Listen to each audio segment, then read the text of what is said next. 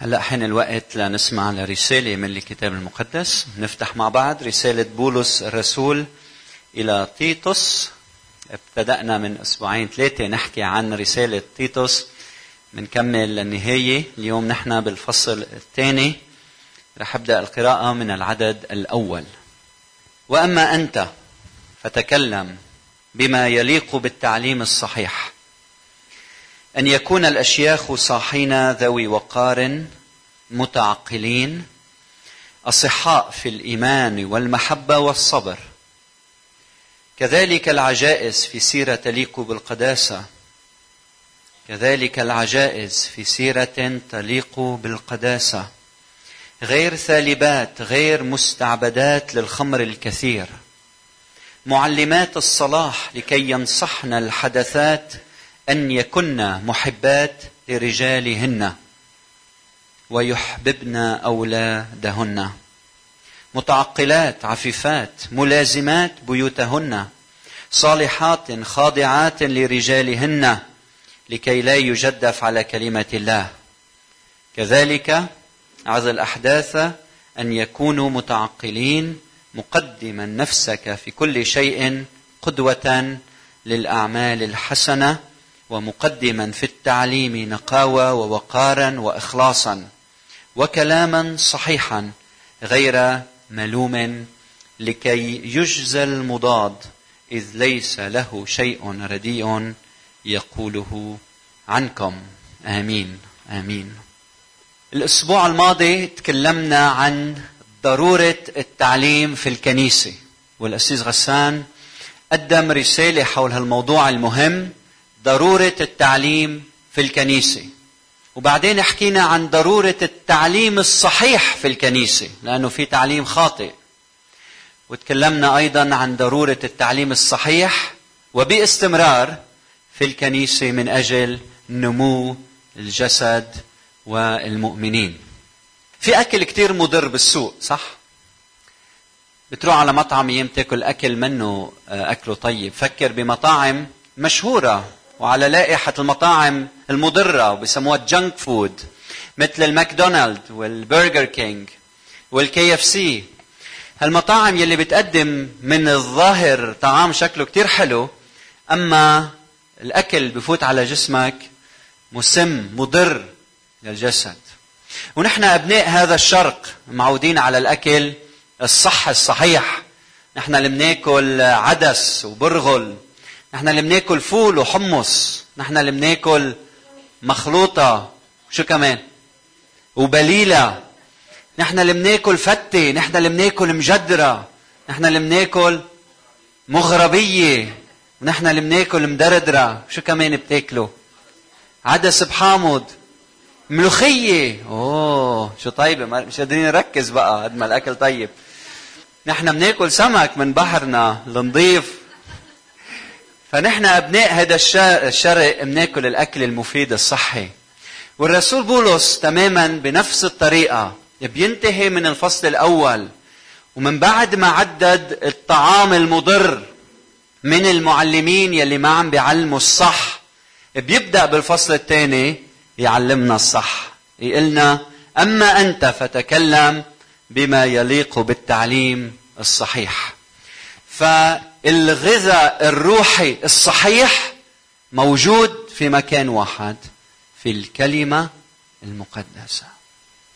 إذا أنت ما عم تقرأ الكلمة أنت صايم عن الأكل. بدك تضعف بدك تتعب بدك تسقط قدام التجارب ما رح تقدر تعيش يلي بتحب إنك تعيشه لأنه جسدك ما عم يتغذى من هالكلمة لتعيش النقاوة والقداسة والبر أمام الله. فأنا بدي شجعك ترجع للكلمة. إذا صار لك زمان ما قريت الكلمة الرب عم يحكي معك ومعك. ليس بالخبز وحده يحيا الإنسان.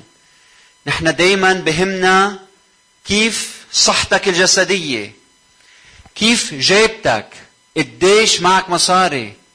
ومنهمل أهم شيء في الإنسان روحه. وهيدا الروح ما بتتغذى إلا من كلمة الرب. فغذي روحك. خلي روحك تنمى في معرفة الرب.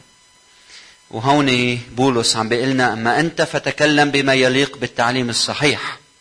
وبيحكي مع مع مين بهالمقطع؟ بيحكي مع الكبار ومع الصغار انتبهتوا؟ الأشياخ والأحداث. بعدين بيحكي مع الجنسين الذكر والأنثى. بيحكي مع الرجال وبيحكي مع النساء. وبعدين بيحكي مع الأبناء وبيحكي مع العبيد. واليوم ما رح نحكي عن العبيد وما رح نحكي عن النساء. هلأ بقول شو رح نعمل. موضوع العبيد ما رح نحكي عنه بهالفصل لأنه سبق وحكينا عن هالموضوع شهر كامل وحكينا كيف إنه بأيامنا ما في عبيد ونحن موظفين. الإنسان عنده كرامته إذا أنت رب عمل ما فيك تستعبد الآخر. وحكينا عن خادمات المنازل وكيف بنعطيهم وقت وفرصة يرتاحوا وكيف نحترمهم كمخلوقات على صورة الله. فهذا الموضوع ما رح ندخل فيه. أما موضوع الرجال والنساء اليوم رح نحكي مع الرجال وأسبوع الجاي جيب زوجتك وتعال لأنه بدنا نحكي عن مين؟ عن النساء. وهيك بنكون عالجنا كل الموضوع بالفصل الثاني بشكل خاص. والجزء الأخير بنخليه لوقت آخر. فاليوم بدنا نركز على الرجال. وبولس يبدأ بمين؟ بالرجل. لأنه الرجل إذا غاب عن البيت ما حدا بياخذ محله. لأنه الرجل هو رأس البيت. إذا بده يوجه حديثه بالأول بيوجه حديثه لرأس البيت. هو رأس البيت. وبولس عم يحكي مع الرجال أولا لأنه آفة المجتمعات غياب مين؟ غياب مين؟ غياب الرجل. وعندما يحضر الرجل يحضر بالغضب وبالأنانية وبالعنف وبتثبيت وجوده كرجل وكل صفات الرجولة يلي بيعلن عنها الكتاب المقدس بتكون غايبة من حياته. عم احكي عن مجتمعنا مش عم احكي عن كنيستنا. بشكر الله من أجل رجال كنيستنا. بشكر الله من أجل أمانتهم ومحبتهم. بس دور الكنيسة تكون نور بهالعالم. وقديش عم نشوف خراب بيوت بسبب أولا غياب الرجل. أنه ما بيحب لأنه ما بيحب مثل ما المسيح دعانا أنه نحب. فيتكلم مع الرجال. بيقول أن يكون الأشياخ بالفصل الأول شو بيسميهم شيوخ. ليه هون بيسميهم أشياخ؟ مين بيعرف؟ بالفصل الأول اسمهم شيوخ لأنه هن المتقدمين بالإيمان مش متقدمين بالعمر عم يحكي بشكل خاص عن اللي عندهم نضج روحي هودي الشيوخ. هلأ عم يحكي عن الأشياخ يلي هن متقدمين بشو؟ بالسن بالعمر. والكلمة اليونانية المستخدمة تشير لرجل عمره فوق الأربعين. فنحن عدد كبير منا من هالأشياخ يلي بيسميهم الكتاب المقدس. فعم يحكي معنا. عم بيقول أن يكونوا الأشياخ أولا صاحين. يعني يتحلوا باليقظة. واعي على بيتك. عارف شو عم بيصير حواليك. واعي لمشاعر زوجتك. صاحي. تعرف إن أولادك فلتانين أو مش فلتانين عارف شو عم بيصير حول منك. والكلمة مستخدمة بالأصل لتشير لواحد يكون صاحي يعني غير مدمن للخمر على الخمر. ما يكون عنده استعباد للخمر. فعم بيشدد إنه أنت يا رجل كن واعي كن صاحي. عرف شو عم بيصير ببيتك انتبه على بيتك. كن مشرف على بيتك. وكن واعي ما تستخدم الخمر. الخمر مضر لإلك. بتعرفوا الكتاب المقدس؟ ولا مرة العهد الجديد بيقول إنه مش لازم نشرب خمر. ابدا ما في هالتعليم اطلاقا بالكتاب المقدس. المسيح لما أخذ خبز وقال هيدا بيرمز لجسدي؟ أخذ خمر. قال هيدا بيرمز لدمي؟ مشكلة الكتاب المقدس مع شو؟ الإدمان على الخمر. فإذا أنت عندك أي نوع من الإدمان هذا الشيء مش مقبول لأبناء الله. وفيك تتحرر. إذا عندك إدمان على الخمر خبرنا. بنساعدك. لما الشخص بيشرب بضيع توازنه بصير يحكي كلام غير لائق بيتصرف تصرفات غير لائقة. فإيانا من الإدمان الإدمان. تاني كلمة بيقول ذوي وقار يعني بيتصرف بطريقة محترمة طريقة تفرض احترام الناس له ذوي وقار لما قعدت أدرسها وأتأمل فيها كلمة منا هينه صعبة خاصة بمجتمعات قديمة يلي كان في تشديد إنه الرجل له وين بيقعد الرجل بالبيت؟ على رأس الطاولة. نحن كنا نرجف لما بينا يكون بالبيت. هلا نحن بدنا أولادنا يفرحوا لما نكون نحن بالبيت. ففي مفهوم خاطئ لذوي وقار. بدنا يسقط من أفكارنا. من زمان كان لما بتفوت على بيتك على بيت أهلك شو بتعمل؟ بتبوس إيد بيك. أنتم يمكن ما بعرف الجيل الأكبر بيعرف هالشيء أكثر. كيف بدنا نحافظ على احترامنا لأهالينا ونعطيهم الكرامة المطلوبة. بنفس الوقت بدنا ننتبه إنه ما نتخطى حدود معينة. بدنا ننتبه كآباء كأشياخ إنه ما نفرض سلطتنا بالطريقة الخطأ على أولادنا. أنت بتفرض سلطتك بخدمتك لأولادك. تعرفوا كينيث بيلي كان عايش ببلادنا كان لاهوت كبير هلأ رجع لأمريكا. بيحكي كيف لما كان عم يدرس شرق أوسطنا كيف إنه في إشارات إنه الرجل ما بيركض بين الناس لأنه الهرول الركض علامة فيها كأنه احتقار ل... لمركزه. من هيك الكبار كيف بيمشي؟ هيك بيمشي على مهله ها؟ آه، إعلان حضور أنا موجود ها؟ كنت عم أتأمل بهالفكرة هيدي. مقابل يلي بيقولوا كنث بيلي مش من عندي. لما بتتأملوا بلوقا عشرة كيف ابن الضال لما ضل والبي طلع وشاف ابنه راجع من بعد ما تاب قال فتحنن وركض ووقع على عنقه وقبله. كنث بيلي بيقول كيف إنه البي بهيداك المجتمع هديك المجتمعات كيف قبل الإهانة من أجل ابنه يحب ابنه. فأنا بعطي احترام أكبر للشخص يلي يهان من أجل الآخر مش هيك؟ يخدم الآخر.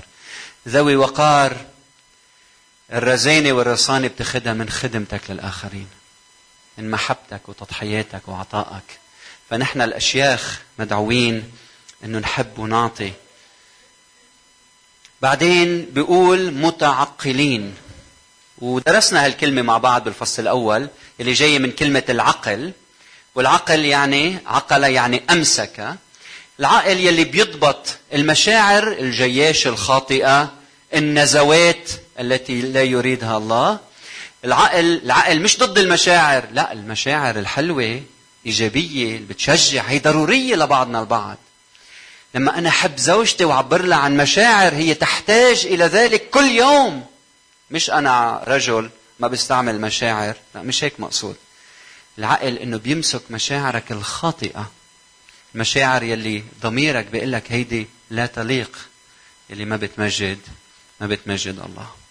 بيقول أغسطينوس إذا انتصرت على نفسك انتصرت على كل العالم. على كل العالم. هل أنت منتصر على العالم؟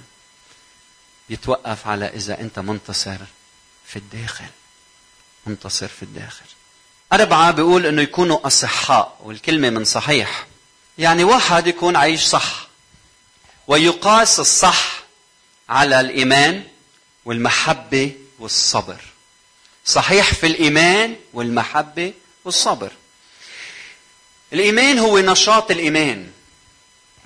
يلي بيشكل هويتك كمسيحي. أنت مش مسيحي لأنه أهلك مسيحيين أنت مسيحي لأنك قررت تتبع المسيح. انت مسيحي بالإيمان الحقيقي اللي فيك. هل إيمانك زائف أم إيمانك حقيقي؟ شو ما كانت خلفيتك لما تعلن إيمانك بالمسيح تصبح مسيحي؟ مسيحي مش صليبي. مسيحي مش تابع لطائفة. مش هيدي المسيحية. هي إعلان إيمان إنه أنا بدي أتبع يسوع المسيح. ونشاط إيماني هو التجاوب تتجاوب مع الله بالإيمان. هيدا هو الإيمان. ومن بعد الإيمان بيقول المحبة. المحبة يلي دائما مربوطة بالخدمة المضحية. الخدمه المضحية تجاه الآخرين. والمحبة هون هي الطرف العملي لشو؟ يلي بيقابل شو؟ مين بيعرف؟ الإيمان. المحبة هي الطرف العملي مقابل الإيمان غير المنظور. فأنت إذا عندك إيمان حقيقي أنت محبتك ظاهرة من خلال خدمة الآخرين. فهمت علي؟ فإذا أنت عندك إيمان وكل شيء بدك لنفسك إيمانك زائف. إذا أنت عندك إيمان على شفتيك وإيمانك ما بيظهر بمحبة صادقة تجاه الآخرين أنت عم عم عم بتغش ذاتك. إيمانك منه صادق منه حقيقي. فبولس عم بيقول إيمان ومحبة. كتاب مقدس دايما. الإيمان هيدا الشيء المخفي. كيف بيظهر؟ فرجيني إيمانك. ارفع لي راية الإيمان. لما أقول لك ارفع لي راية الإيمان بترفع راية المحبة. المعبر عنها بالخدمة المضحية تجاه الآخرين. والشخص يلي بيعيش إيمانه بشكل صح وإيمانه بيظهر بالمحبة بشكل صح يضطهد من الناس. ينتقد من الناس. صح؟ لأن الناس ما فيها تستوعب هالإيمان وهالمحبة. من هيك بولس زاد مع الإيمان والمحبة أي كلمة؟ الصبر. إيمان ومحبة وصبر. لما بتعيش إيمانك في المحبة تضطهد تتألم يتكلم عليك. ما بتاخد مقابل ما تعطي. ما تعطي حياتك وقلبك ما بتاخد ما حدا بيعطيك مقابل هيدا الشيء. أيام بتتألم فأنت تحتاج إلى نعمة الصبر لأنك تستنزف أحيانا. إنه ما حدا بيعرف المشاعر اللي بتمرق فيها. الألم الصعوبات خدمة الآخرين أمر مؤلم. من هيك الرب بيعطيك صبر لتستمر في الإيمان والمحبة. فما أجمل أنه الكبار بيناتنا عمرهم فوق الأربعينات بشكل خاص عم بيعيشوا للرب. قال ويثمرون في الشيبة. رسول بولس بيقول جاهدت الجهاد الحسن. هيدا قالها لما صار بالستينات. جاهدت الجهاد الحسن. أكملت السعي. حفظت الإيمان. هل أنت فيك تقولها؟ هل من شبابك لمشيبك عايش ليسوع المسيح؟ هل بتطلع بالماضي كل يوم؟ انت قدام الرب بدي اتكرس لك يا رب؟ بدي اعيش لك العمر عم يقطع. رح يجي اليوم يلي فيه رح نكون على فراش الموت كلنا. ورح يخطر ببالك هالسؤال. هل عشت الحياة بحسب مشيئة الله؟ هل أرضيت الرب بحياتي؟ ما فيك ترجع لورا. It's too late. قطع الوقت. رح تندم؟ ولا رح تقول له يا رب أنا مستعد روح لعندك. جاهدت الجهاد الحسن أكملت السعي حفظت الإيمان. جون ويسلي كان خادم للرب عظيم جدا. وبيعلمنا كيف إنه أوعى تفكر إنه أنت صرت كبير بمعنى خلص بطل إلي خدمة وبطل فيني أخدم. صرت بالخمسين وستين وسبعين خلص هلأ الوقت حطوني على جنب. ابدا. انت إلك مكان وبدنا إياك تخدم الرب بالعمر اللي انت فيه جون ويسلي طلع على حصانه بخدمته بيقولوا إنه مشي مسافة 400 ألف كيلومتر على حصانه. 400 ألف كيلومتر بكل حياته. وعظ أكثر من 40 ألف عظة. كتب أكثر من 200 كتاب. لما كان عمره 83 سنة بيكتب بمذكراته قديش حزين إنه مش قادر يدرس ويكتب أكثر من 15 ساعة بالنهار من دون ما يتعب نظره. كان حزين. بعمر ال 86 صار يستغرب من جسده إنه كيف بتصير الساعة خمسة ونص وبعده نايم. قالوا بعد ما فاق بعمر ال 86 قديش كان عمره موسى لما دعاه الله أن يخرج شعبه من من مصر من أرض العبودية. حدا بيعرف؟ عشرة ثلاثين أربعين؟ فوق الأربعين مش تحت الأربعين خمسين؟ حدا بيعرف؟ حدا عنده رقم تاني؟ ثمانين تسعين؟ سفر الخروج الفصل السابع والآية سبعة وكان موسى ابن ثمانين سنة وهارون ابن ثلاث وثمانين سنة حين كلم فرعون. قديش عمرك يا بطل؟ الرب بده يكلمك وبده يستخدمك. وبدك توقف قدام فرعون وبدك تخدم الرب قد ما كان عمرك قد ما كان عمرك. شو بتعرفوا عن كالب؟ رح أخبركم شيء عن كالب. إذا بتفتحوا يشوع فصل 14 الآية 6 وما بعد خلينا نقرأ هالفقرة. فلاحظوا معي لاحظوا معي. فتقدم بنو يهوذا إلى يشوع في الجلجال وقال له كالب قال له أنت تعلم الكلام الذي كلم به الرب موسى رجل الله عبد الرب من قادش لتتجسس أو لتتفحص الأرض. فرجعت إليه بكلام عم في قلبي. أما إخوتي الذين صعدوا معي فأذابوا قلب الشعب. أما أنا فاتبعت تماما الرب إلهي. حلوة هيدي تماما؟ فحلف موسى في ذلك اليوم قائلا إن الأرض التي وطئتها رجلك لك تكون نصيبا ولأولادك إلى الأبد لأنك اتبعت الرب إلهي تماما. والآن فها قد استحياني يعني أبقاني حيا. الرب الرب خليه طيب. كما تكلم هذه الخمسة والأربعين سنة من حين كلم الرب موسى بهذا الكلام حين سار إسرائيل في القفر والآن فها أنا اليوم ابن خمس وثمانين سنة فلم أزل. انتبهوا. اليوم متشددا كما في يوم أرسلني موسى كما كانت قوتي حينئذ هكذا قوتي الآن للحرب والخروج وللدخول فالآن أعطني هذا الجبل. هيدا الوعد وعدتني. 85 مش معناتها انتهت. ولك إن شاء الله 200 إذا أنت وعدت أتمسك بوعدك. هذا الجبل الذي تكلم عنه الرب في ذلك اليوم. الرب يريدك أن تعيش. الرب يريدك أن تخدم. الله بده إياك تكبر وتخدم معه. الله بده إياك تكون بركة. ستين ثمانين تستمر بالخدمة. قد ما كان عمرك بدك ضلك تنمى بالإيمان والمحبة. مش هيك؟ والصبر. بدي إياك تعرف كنيسة يسوع بحاجة لإلك. أنت في الوسط. بدنا إياك تخدم الرب. بدنا إياك تعمل أعمال عظيمة للرب. بدنا إياك تأثر في المجتمع من حولك.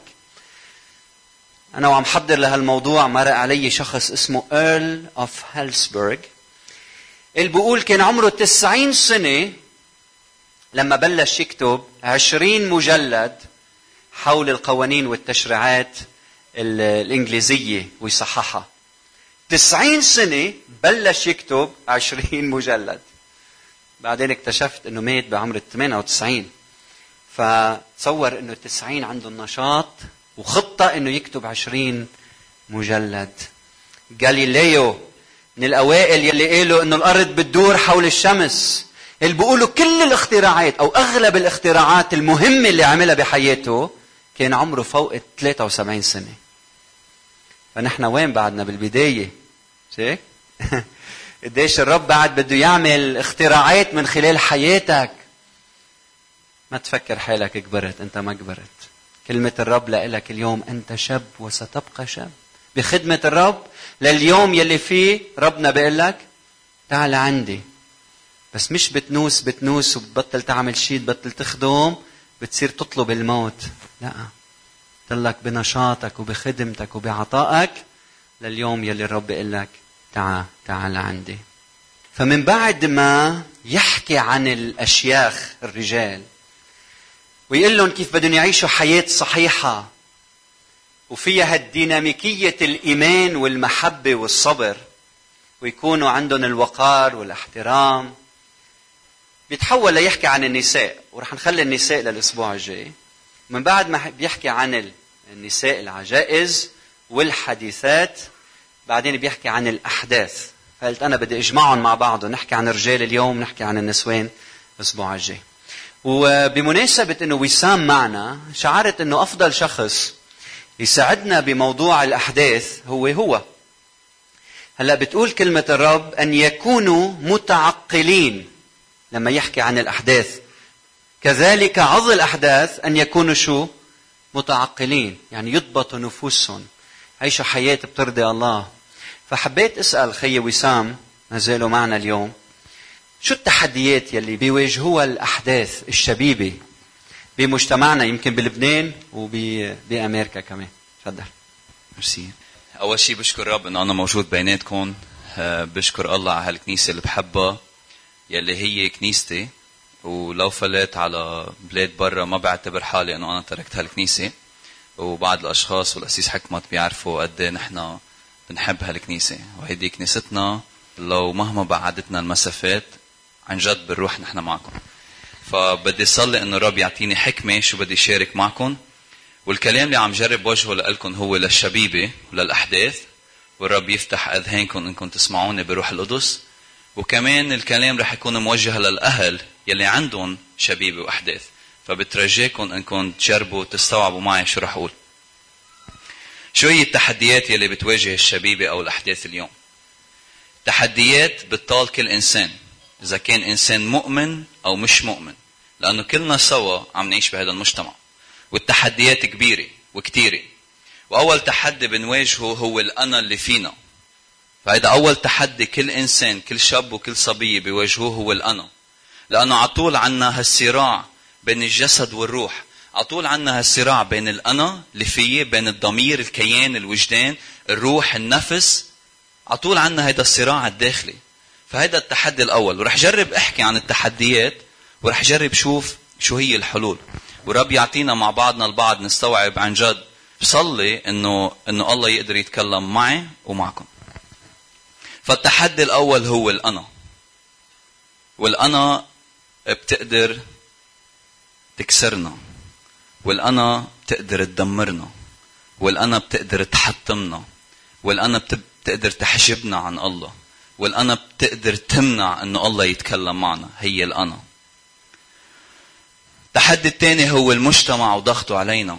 وعم شوف عن جد يعني أنا صار لي سنتين مش جاي رجعت على لبنان عم بتفرج عم شوف. بدي ألبس لبس معين تكون من هالطبقة المعينة. بدي أروح على المطعم الفلان المعين تقول إنه أنا امبارح كنت بهذا المحل معين هذا ضغط مجتمع. بدي أتصرف بطريقة معينة مع كل احترامي لكل طبقات المجتمع وكل محلات المجتمع. بدي جيب السيارة الفلانية لأنه أنا بدي عندي طبقة معينة عم جرب إنه أقدر أوصلها بهذا المجتمع. بس الإنسان بيكون عم يضحك على حاله. الإنسان بيكون عم يرضي شو المجتمع بده منه؟ هذا تحدي تاني. فيا شبيبه إذا أنتم عم بتعيشوا بمرحلة صاحبي جايب سيارة الفلانية مش معناتها هيدي آخر الدنيا. مش كل شيء بالمظاهر مش كل شيء بالمال مش كل شيء بالسيارات مش كل شيء بالأعداد. والشغلة اللي بالنسبة لإلي مهمة وتحدي بنواجهه بالحياة هو الغرور. الغرور الغرور مثل الأنا واثنيناتهم مرتبطين ببعضهم.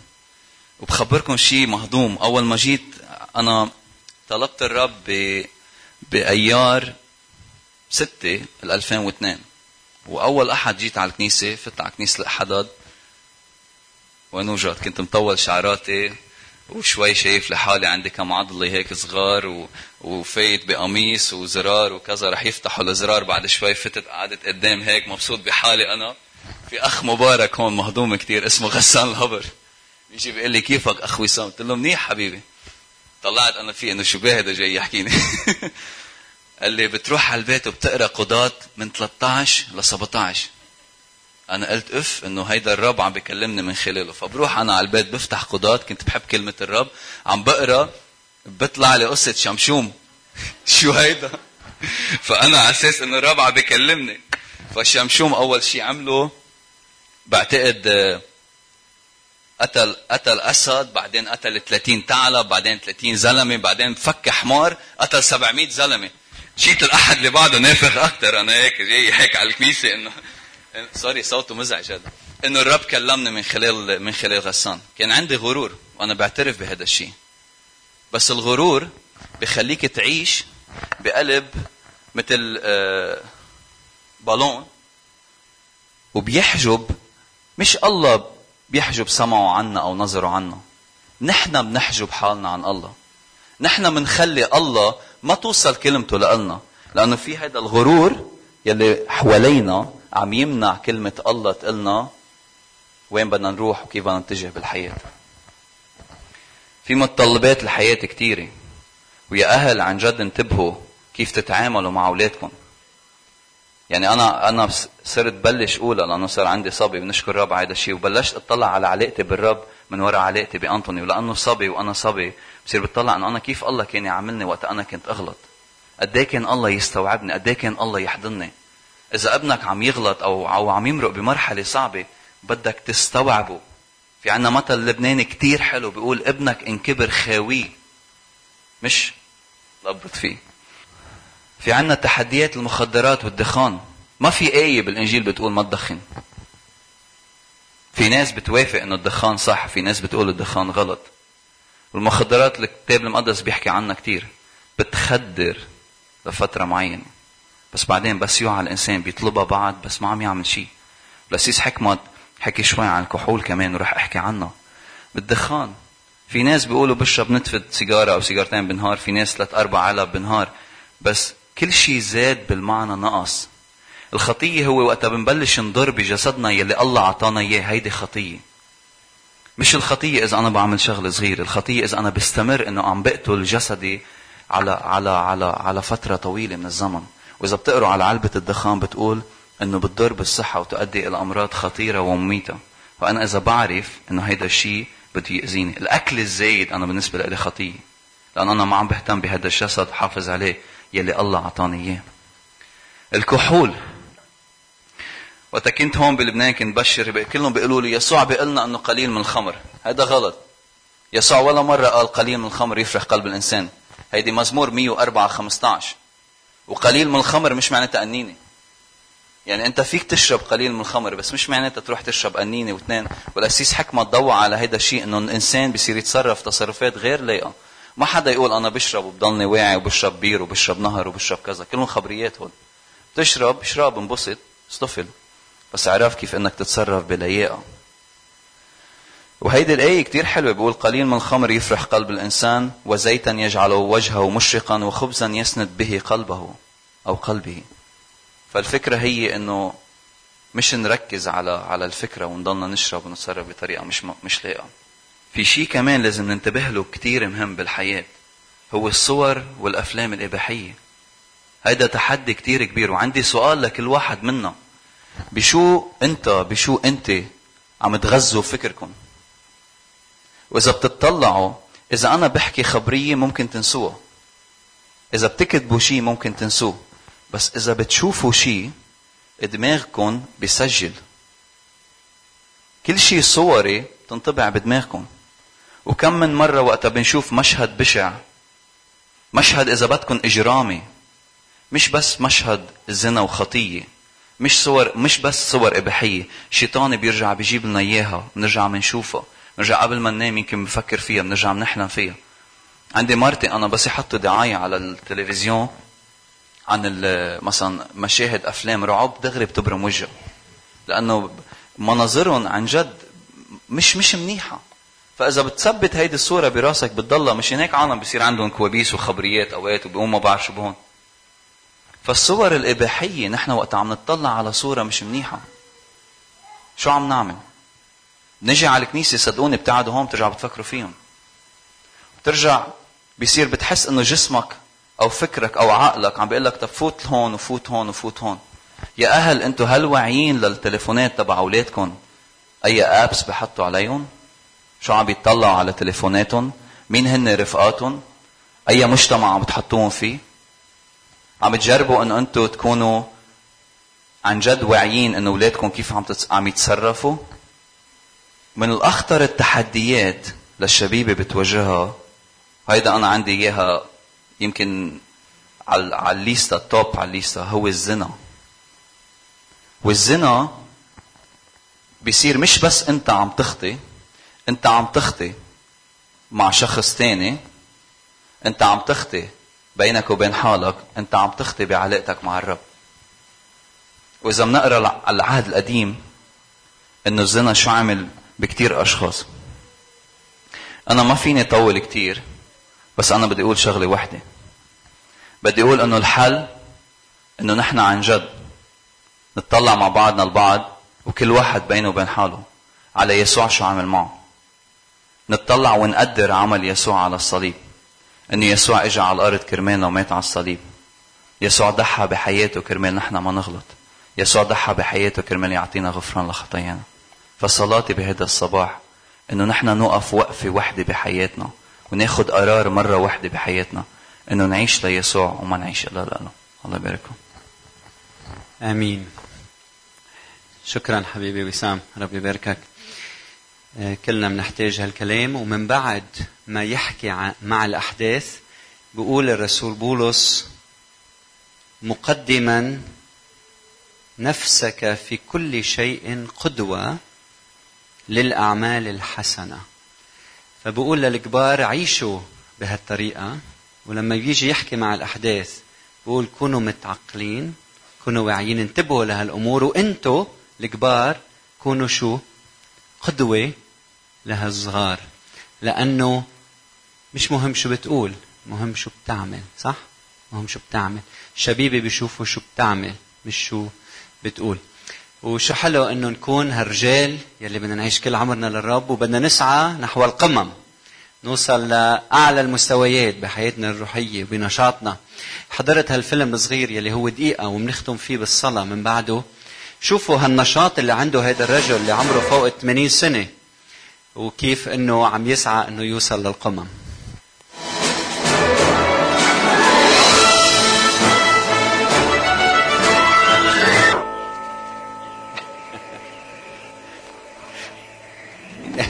إن شاء الله كلنا نوصل فوق بحياتنا الروحية مع الرب. خلونا نصلي مع بعض. يا رب كلنا بنحتاج إنه ننمى. نحن يا رب نحتاج إنه نجيب كبريائنا وأنانيتنا وشهواتنا وكل الأمور يلي ما بتمجد اسمك ونقدمها قدامك يا رب. بنصلي إنك تساعدنا هذا الصباح نكون رجال لك قد ما يكون عمرنا يا رب. بدنا نخدمك بدنا نعيش بإيمان بصبر بدنا ننمى بالمحبة يا رب. فبصلي إنك تبارك كل رجل موجود بهذا المكان. حابب يا ريت الأخت أمال إذا بتحب أو حدا من السيدات بيصلوا للرجال. بدي ادعيكم توقفوا يا رجال. مثل ما عملنا بالخدمة الأولى إذا أنت رجل بدي إياك توقف وبدنا نصلي من أجلك. بدنا نطلب من امرأة إنه تصلي من من أجل الرجال. تحطهم قدام الرب. أمال رح تصلي؟ إذا حدا كمان بحب يصلي عنا بعد شي دقيقة دقيقتين. تفضلي. أن يكون الأشياخ صاحين ذوي وقار متعقلين أصحاء في الإيمان والمحبة والصبر. شكرا يا بابا السماوي على الكلمة اللي سمعناها اليوم. شكرا على هالكلمة اللي بتحث أولادك رجالك على اتباعك وعلى اختيار الطريق الصحيح والمثال الصحيح باتباع يسوع المسيح. يا بابا أنا بصلي كرمال الرجال والشباب والأولاد بكنيستك. نعم بصلي أنك تنهض فيهم الأبطال الموجودين اللي أنت خلقتهم جواتهم. بصلي أنك تجعلهم يكونوا مثال صالح يكونوا قدوة صالحة. يكونوا هن عم يتمثلوا بالمسيح مثل ما المسيح أحب الكنيسة. هن يكونوا مثال صالح بعيالهم بمجتمعاتهم. أنهض فيهم يا بابا الأمانة والإخلاص والمحبة والقيادة والعزم والتضحية. أنهض فيهم صفاتك أنت يسوع المسيح صفات القدوة صفات الأبطال الإيمان العزيمة الروحية. تتفرح من السماء أنت تطلع على شعبك وتقول نعم نعم أيها العبد الصالح.